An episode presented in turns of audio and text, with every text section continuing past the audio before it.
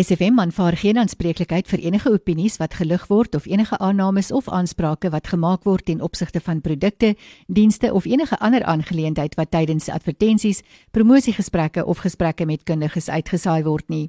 Die inhoud van enige insette verteenwoordig nie noodwendig die siening van SFM nie en alle navrae, klagtes of besware kan direk aan die betrokke adverteerders of kundiges gerig word. Jy is ingeskakel op SFM 90.1 en 104.1 Oudtshoorn. Ons gesels vanoggend met prokureur Paul Coupe. Sy's eh, die woordvoerder, die regswoordvoerder van The Red List en hulle webtuiste is www.theredlist.co.za. Good morning Paul.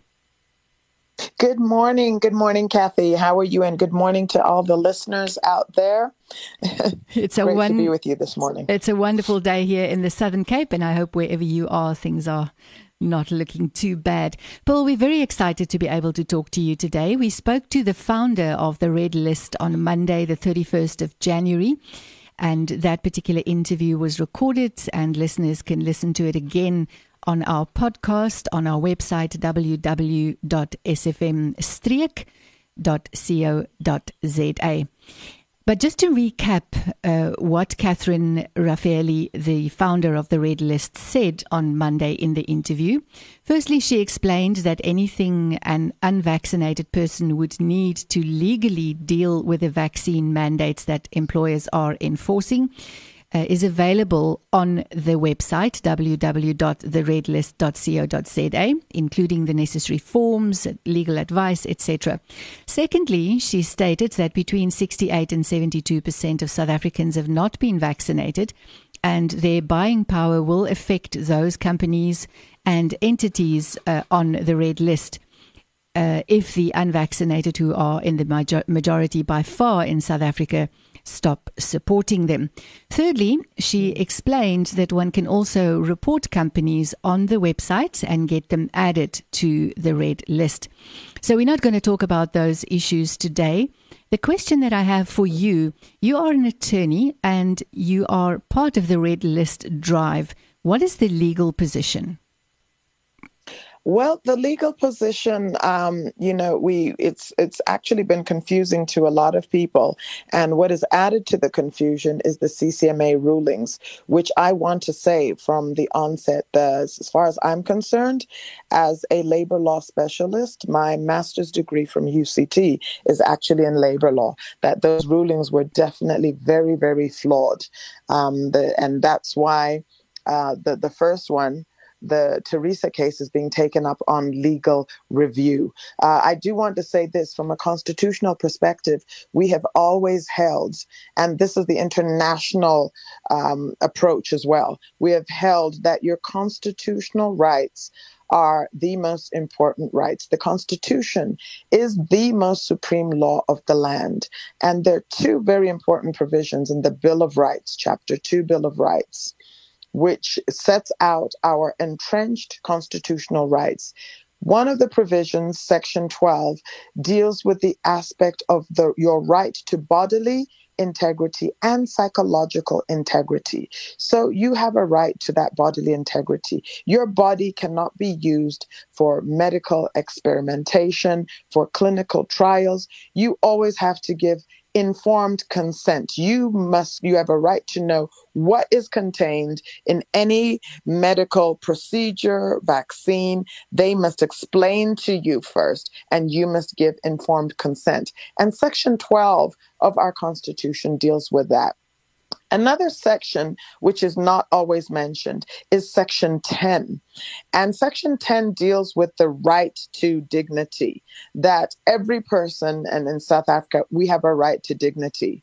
Now, the courts have gone further to explain that right to dignity, and they have said that the right to dignity and freedom of choice are connected. They are inextricably linked. In other words, they're twins. Hmm. So you cannot have fully have a right to dignity without being able to express your freedom of choice. So, in other words, Section 10 also advocates for freedom of choice. Mm. And that clearly is not the case when you are being forced to vaccinate against your will. So, Section 10 is being violated as well as Section 12. And the unfortunate CCMA rulings in the first case, the Teresa case, they they made reference, the commissioner made reference to section 36 of the Constitution, which limits those rights. And I want to say, you know, unequivocally that I really believe that it was a wrong application of Section 36. The rights that are contained in Chapter 2 are very strong, very hard fought, one constitutional rights. You cannot willy nilly just wish them away. And so I really believe it was a wrong application uh, of the Section 36 limitation of rights. But on top of that, on top of that, Kathy, uh, the aspect of discrimination is an aspect that was not discussed in any of these cases. And the Employment Equity Act, which is one of the five key labor legislation acts. You've got the BCEA, Basic Conditions of Employment Act. You've got the SDA, Skills Development Act. You've got the LRA, the Labor Relations Act. You've got the, um, you've also got OSHA, Occupational Health and Safety Act, and you've got the Employment Act. And the main purpose, primary key purpose of the Employment Equity Act is to prevent unfair discrimination. It does not allow for unfair discrimination. So clearly, when it has been scientifically documented that both the vaccinated and unvaccinated uh, employee can contract and transmit COVID, it is a medically proven and scientifically proven fact that being vaccinated does not prevent you from getting COVID and from transmitting COVID. So, in that instance, why are you firing only the unvaccinated employee?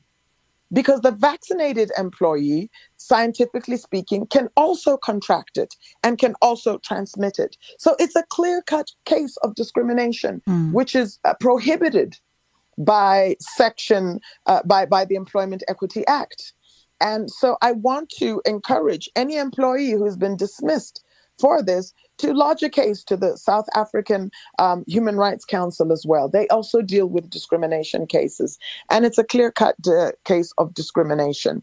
And, and, and so that is really a little bit about what I wanted to say. And just closing off on the legal aspect, just to say that we need to also look at international law.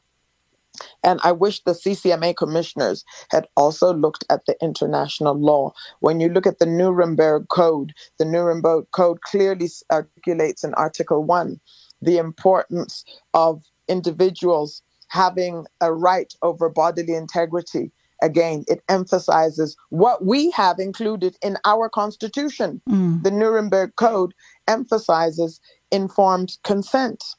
And then now we have the recent, very recent cases.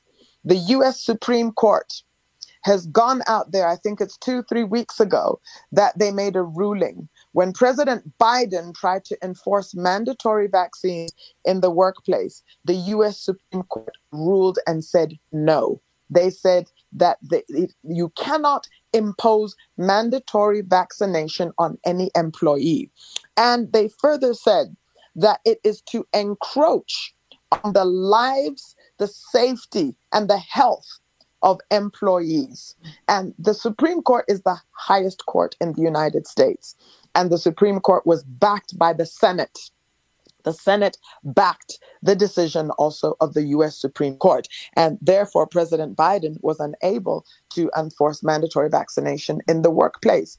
And this very important decision, international decision, we know that when it comes to constitutional issues and constitutional law uh, decisions, and just the Constitution, United States is is looked at very highly in this regard, and uh, having one of the oldest constitutions in the world, and it was backed also uh, by the Canadian Superior Court, which is also their highest court. Hmm. CCMA CCMA is not a court to begin with. It is a it is a commission. It is a commission. So CCMA stands for the, the Commission of Conciliation, Mediation, and Arbitration. That's what the acronym starts for. It cannot set legal precedent.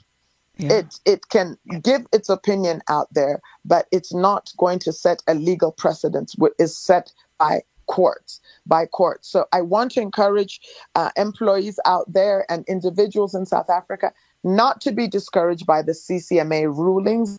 Uh, I myself, along with many, many, many legal voices and experts, have found the two decisions to be very, very flawed.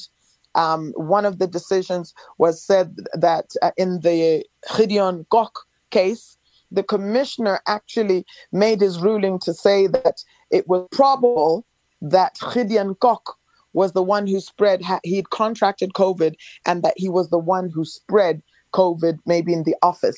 That was not a thing of fact. Mm. There was no medical evidence that was produced to show that. It could easily have been even a vaccinated employee who may have transmitted uh, that virus within the workplace. So to actually make a ruling based on no medical evidence was produced to to come to to that finding.